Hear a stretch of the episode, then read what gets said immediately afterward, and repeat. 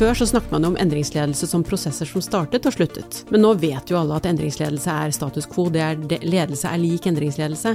Så det betyr at som leder i dag, så må du evne å lede kanskje flere kulturer på likt, med et målbilde.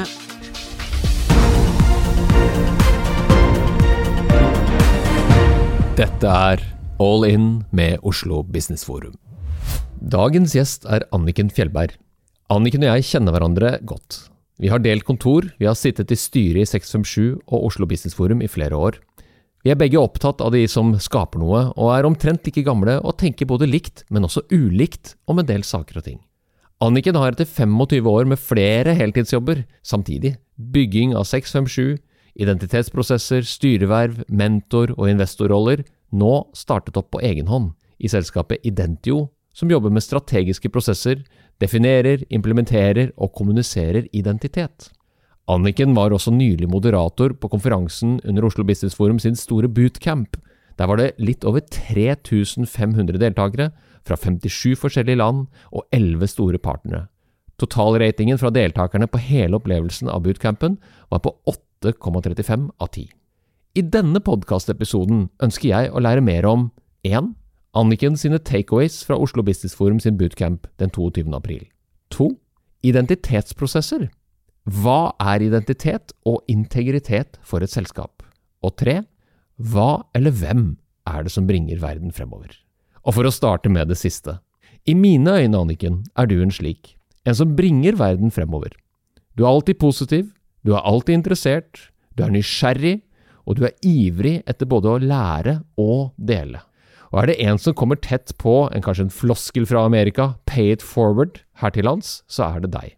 Så med det, gratulerer med vel gjennomført bootcamp, Anniken, og velkommen hit. Tusen takk, Tor. Det er kanskje den hyggeligste introduksjonen jeg noen gang har fått.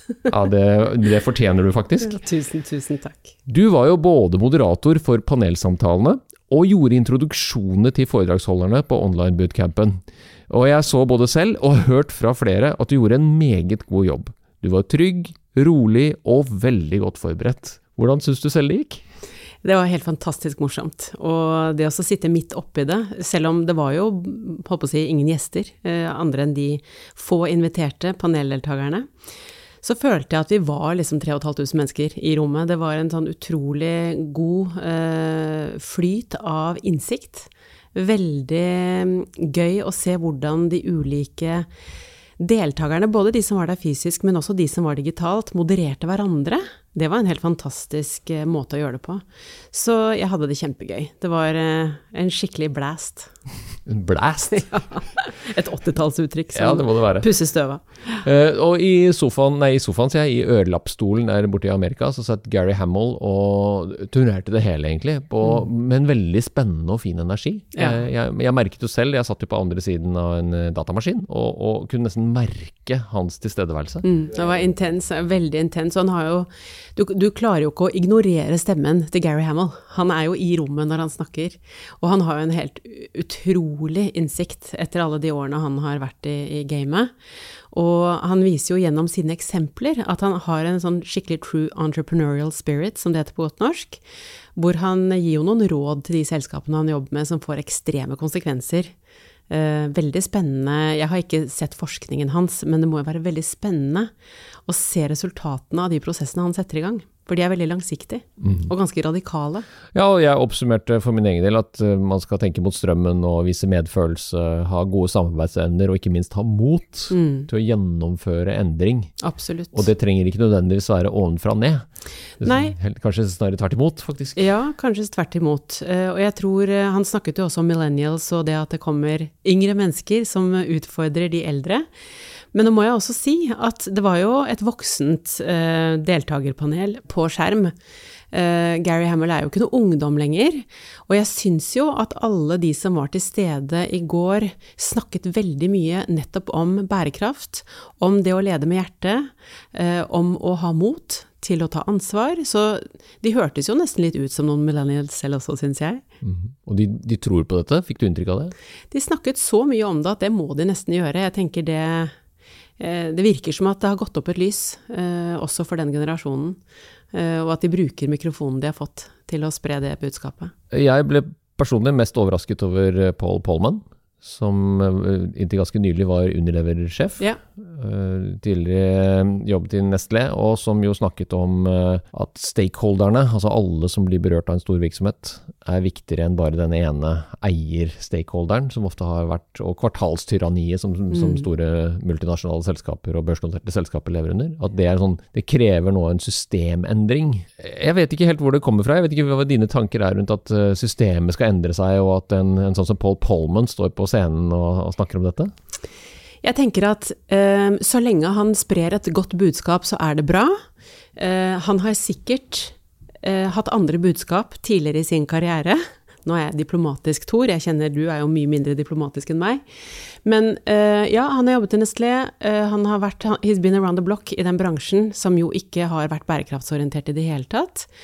Eh, men han har jo virkelig gjort en jobb i Unilever, og har eh, krysset til den andre siden nå med Imagine, som er hans eh, sosiale ja, Jeg vet ikke om det er en stiftelse eller hva, men han er i hvert fall veldig på dugood nå, da.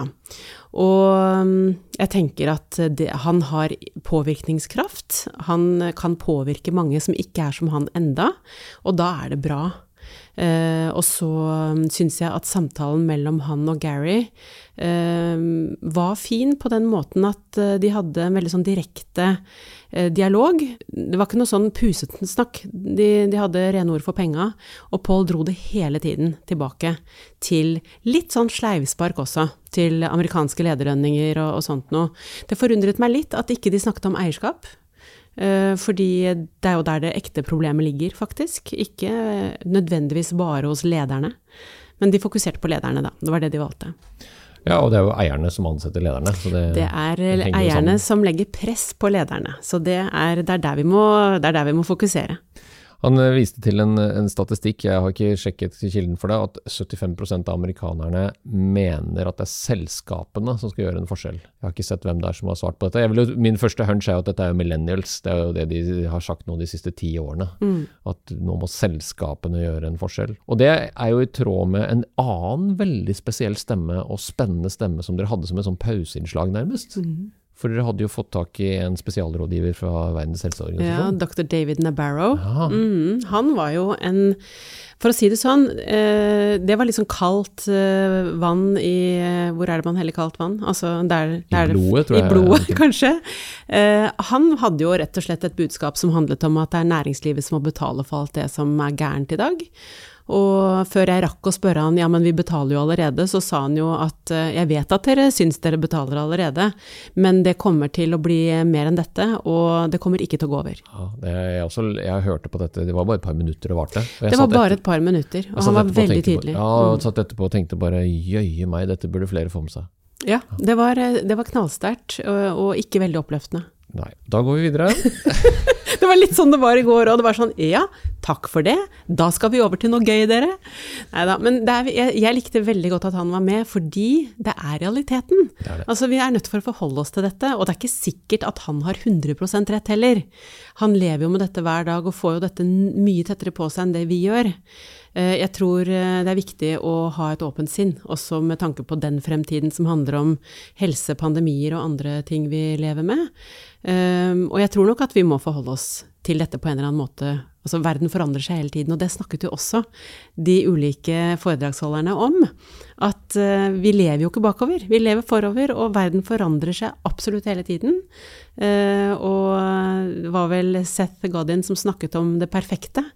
Eh, og når du har det perfekt, så slutter du faktisk å innovere. Så vi er nødt for å tenke ny, nytt hele tiden for å komme videre. Og nå har vi en ny situasjon, da må vi tenke nytt for å komme videre. Og hvem er det som tenker nytt, da? Ja, det er alle de som velger å gjøre det. Ja, Så det er et valg? Det er et valg. Det var jo Seths budskap. Han uh, spurte jo alle som hørte på i går, uh, What is it that you are making? Eller what are you making, spurte han. Og med det så, så mente han jo hva går du på jobb for å gjøre? Eh, svaret hans var if you don't make a change, if you don't go to work to make change, then uh, you're obsolete if you're a leader. Then you're a manager. Og managers are important, men hvis du velger å være en leder, så må du gå på jobb for å skape endring. Eller så må du step down og være manager. Det var interessant vinkling. Og, jeg likte veldig godt den uh, spissformuleringen, for det er jo egentlig helt riktig. Og utfordrende. Ja, veldig. En annen som var deltaker, og som snakker om forenkling, er det vel? Det er vel budskapet til Lisa Bodell? Ja. ja. Lisa er veldig praktisk. Kjemperett på. Gode verktøy. Morsom dame. Kjempeinspirerende. Uh, man blir liksom glad av å se på henne. Uh, hun er veldig populær med sine simplification tools, som, uh, som fjerner, kall det hiccups, i selskapets systemer. Som fjerner irritasjon og frustrasjon. Så for eksempel har hun en metode som heter Kill Your Company, hvor du setter ned team, og så skal alle sammen hver for seg sette, velge seg en konkurrent. Uh, og da, hvis jeg da velger meg den konkurrenten jeg jobber mot, uh, så er min oppgave i den øvelsen å finne ut på hvilken måte den konkurrenten kommer til å ta oss ut av business. Og så blir det måten jeg lærer om svakhetene til selskapet på, hvordan jeg da også kan bøte på det. Så hadde vi jo en spennende sesjon med noen pre-talks, hvor vi hadde invitert i hovedsak norske ledere, ja. mm. som vi tvang å snakke engelsk. Sånn gjør vi det gjerne. Må jo det. Ja, vi hadde jo var over deltaker. 50 land. Ja, ja, ja. ja. Men, men, det gikk helt utmerket. Ja, det, det det. Vil du oppsummere noe fra Plitoxene, Anniken? Ja, vet du hva. Det var, for oss For å ta med de norske, siden dette er en norsk podkast, så syns jeg det var fantastiske paneler. Først så hadde vi Lavrans Løvli fra PwC sammen med Knut Are Norheim fra eh, The Assessment Company. Og, og, der vil jeg si at noe Det er så mye fra alle, men hvis vi skal trekke ut et par ting, da, så snakket Lavrans om at vi må huske på å spørre oss hva kundene syns er innovativt, istedenfor hva vi syns er innovativt. Det kan noen ganger gjøre ting vanskeligere, eller også enklere, i forhold til å innovere. Og Knut Are han snakket om å nettopp gi rom for innovasjon, altså get out of the way, for at folka dine skal kunne innovere, som også kan være en kunst i seg selv. Eh, så hadde vi Jonas Høftes sammen med Kai Lytinen fra Finland, men for å ta Jonas, kom, han er da CEO på Devoteam Fornebu Consulting. Han snakket om uh, transformation management uh, og det å jobbe med agilitet i team, og hvor viktig det er. Um, han jobber mye med strategiimplementering, og det er klart at når folka skal gjøre jobben, så er det å kunne bevege seg uh, kritisk suksessfaktor. Og til slutt så hadde vi Siri Børsum fra Huawei, tidligere Google, og Eirik Normann Hansen, som er entreprenør intraprenør i Amesto.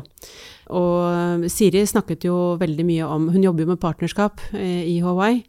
Og hun snakket om mange ting, men annet da hvordan i dag er vi nødt for å samarbeide på kryss og tvers. Både internt, men også eksternt med andre for å klare å innovere og møte fremtiden.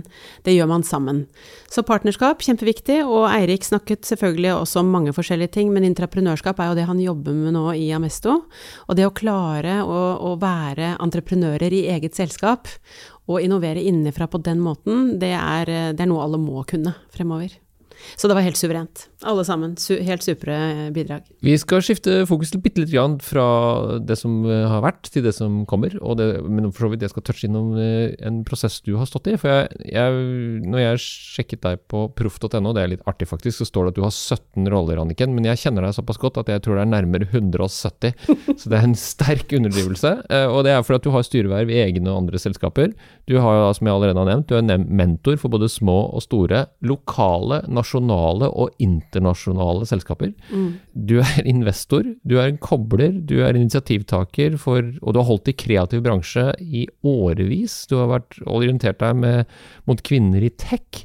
Du uttaler deg i avisen om, som går med, med kvinner som starter selskaper, kvinner som investerer i selskaper.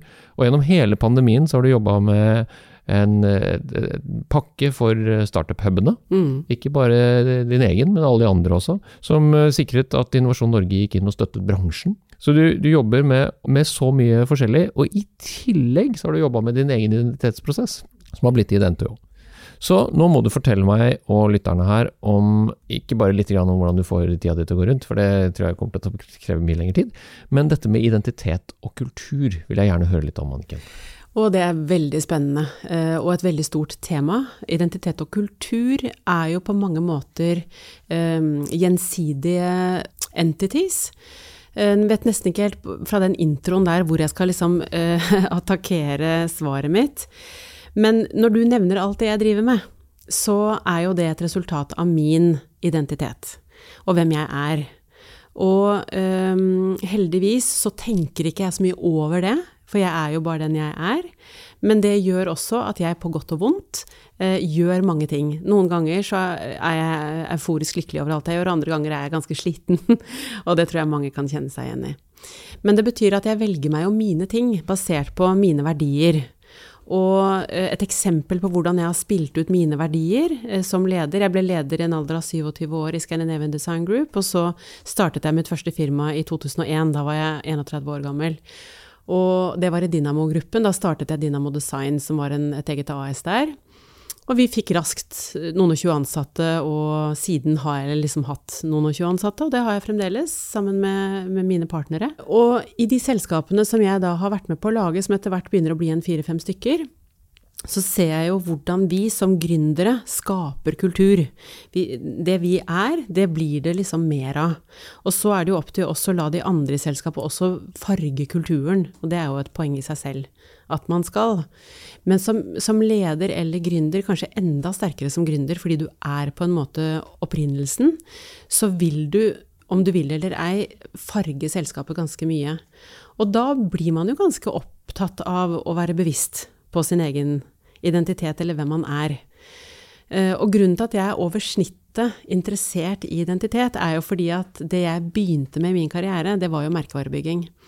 Og jeg ble konsulent i STG på eh, midten av 90-tallet, da merkevarebygging på en måte kom til Norge som fag.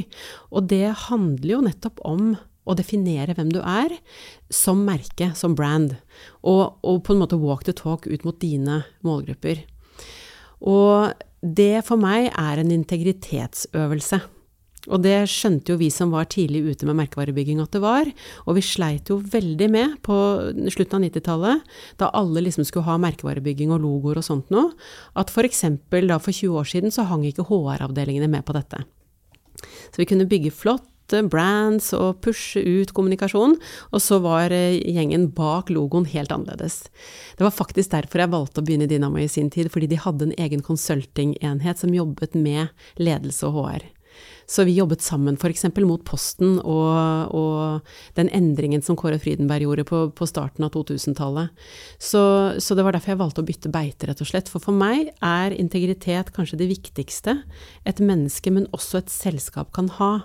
Og det er det jeg jobber med i Identio, som er mitt nye selskap, hvor jeg jobber for meg selv sammen med samarbeidspartnere. Jeg jobber jo sjelden alene, men jeg liker å, å jobbe og ha fleksibilitet da, til å kunne også jobbe med 657 og kunne sitte i de styrene jeg gjør og sånt noe, så det er derfor jeg valgte å ordne meg på den måten.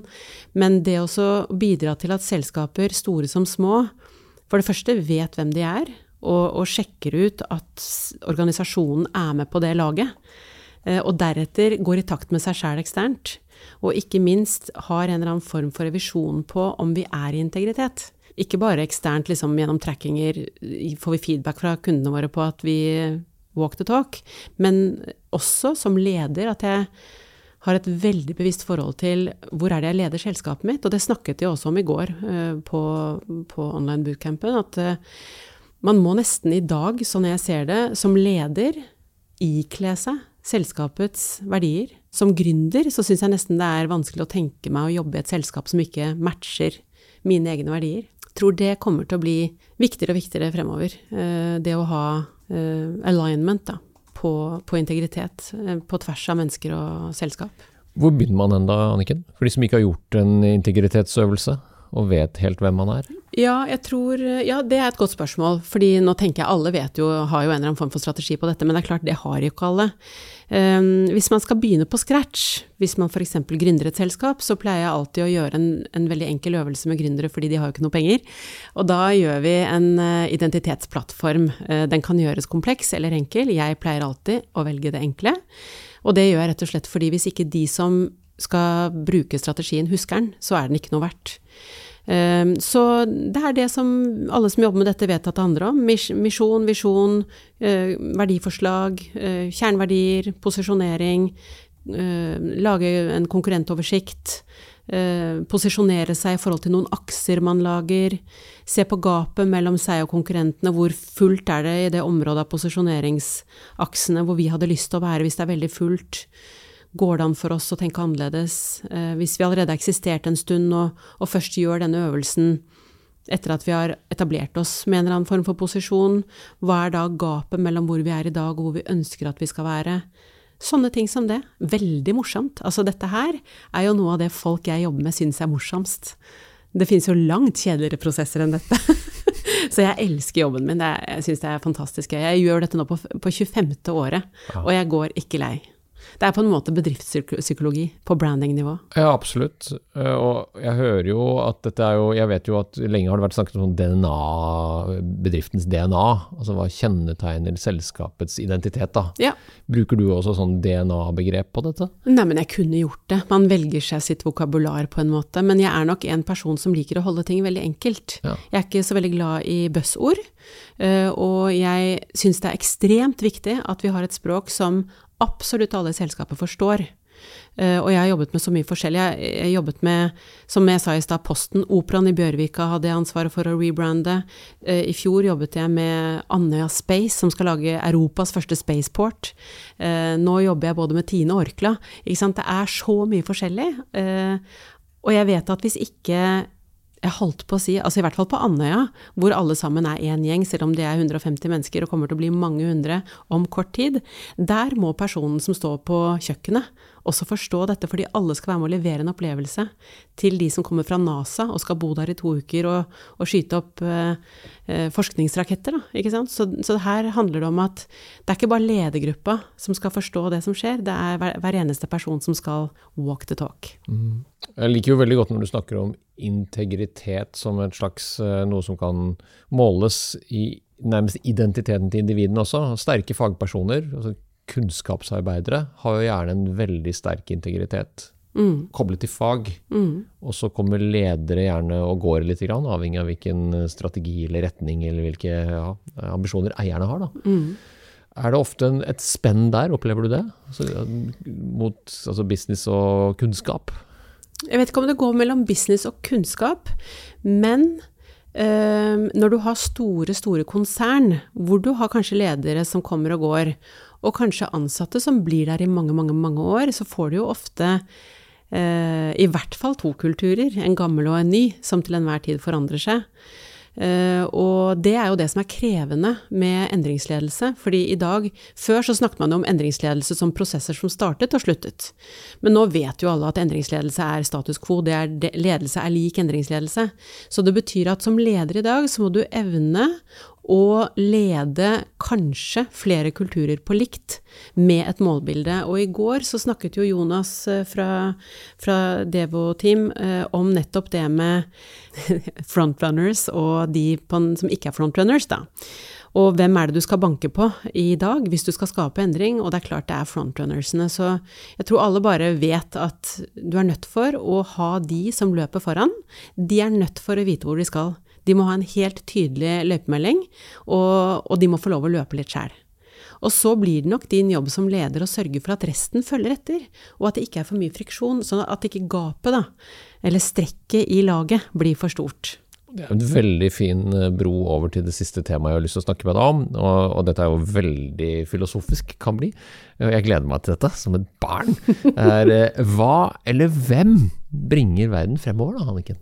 Og det er et veldig, veldig deilig spørsmål, og nesten litt sånn eh, hva skal jeg si til det? Men eh, det blir jo det jeg jobber med for tiden som faller meg først i hodet, og akkurat nå jobber jeg med en eh, i en prosess med en kunde hvor jeg har fått i oppdrag å tenke ut av boksen innenfor et område. Herlig. Ja, det er helt fantastisk. Et drømmeprosjekt. Så, så, ofte så er det jo sånn i selskaper at når man kjører strategiprosesser, så er det litt vanskelig for noen som sitter midt oppi purra hver dag og tenker langt nok ut av boksen.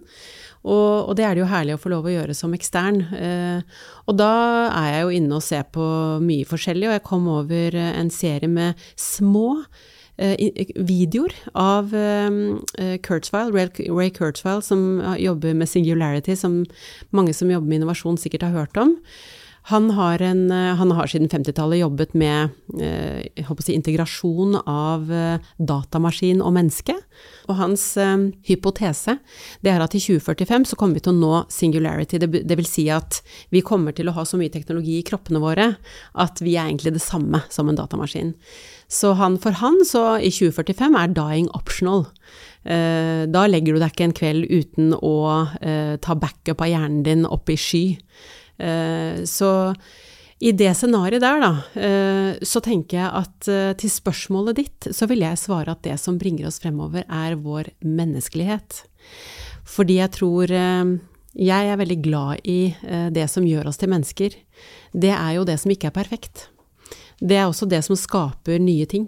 Eh, det er det som ikke er forutsigbart. Det som ikke følger en eller annen form for lineær eh, algoritme, eh, og er summen av noe som har skjedd før, men som bare oppstår fordi vi har følelser og er uforutsigbare, på godt og vondt. Så jeg, jeg tenker at jeg setter, setter min stemme på på menneskelighet, rett og slett. Jeg hadde jo Sven Taulau her eh, i en eh, episode hvor vi snakket om dette med menneskelig cyborg uh, og kobling mot når vi på et eller annet tidspunkt slipper glassplaten.